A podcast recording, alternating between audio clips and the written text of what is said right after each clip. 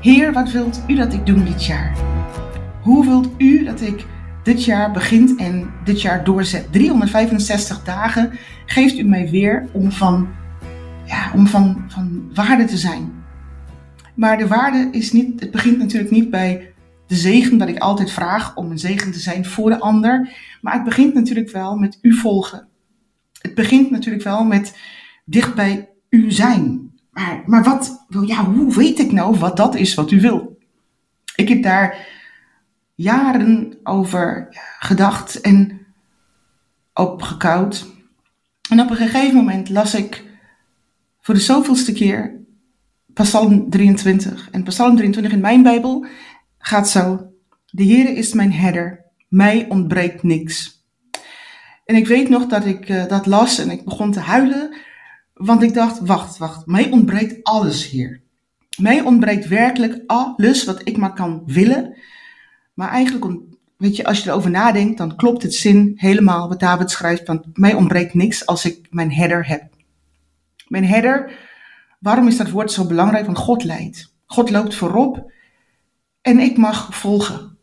Ik hoef, niet, ik hoef niet voorop te lopen en iedere keer om te draaien en te zeggen: God, loop ik op de rechte weg? Is dit wat u wil van mijn leven? Heer, um, zijn dit de beslissingen die ik moet nemen? Heer, doe ik het wel goed? Nee.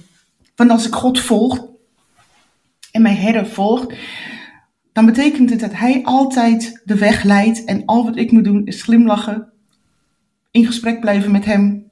Dat heet dan bidden natuurlijk. De Bijbel lezen en ja, zingen en dansen voor de Heer. En als ik dat doe, hè, als ik bid, dus mijn leven delen met God, als ik uit mijn Bijbel lees, misschien een kwartier per dag gewoon de Bijbel lezen, of een cursus volgen, of uh, hoe dan ook, een manier omgaan met de Bijbel, dan ontstaat er al iets. Dan hoef ik niet meer te zoeken. Want dat is eigenlijk wat hier staat. De Heer is mijn herder, mij ontbreekt niks als ik hem volg. En natuurlijk, natuurlijk, ik val en ik faal en ik doe het niet goed. Maar ik mag iedere keer weer opstaan in, Jezus en ik mag gewoon weer opnieuw beginnen. Ja, dat is ook nog een, uh, soms heel moeilijk voor mij, want soms durf ik niet meer nadat ik gefaald ben om op te staan en God om de ogen te zien. Maar ook daar hoef ik niet bang voor te zijn, want als ik berouw heb van, van mijn zonde, dan neemt God mij weer in zijn armen. En ik mag weer op zijn weg. En ik mag hem weer volgen. En dat is het nou net. En dan luister ik laatst naar een liedje van Jonathan McReynolds, een Amerikaan. En zijn liedje, daar moest ik, ik heb waarschijnlijk honderd keer naar geluisterd, maar ik moest zo huilen. Maar de tekst raakte mij. Ik ben niet zo'n huilerige type, maar de tekst raakte mij zo diep.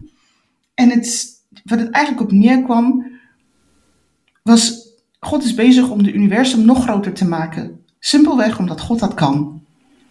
Maar op het moment dat ik spreek en ik ga in gesprek met God en ik deel mijn dag met Hem, dan laat hij zijn werk even wat het is en hij neigt zijn oor naar mij en hij luistert naar mij en hij glimlacht naar mij. Omdat op dat moment deel ik mijn leven met Hem. En ik maak Hem de regisseur van mijn leven.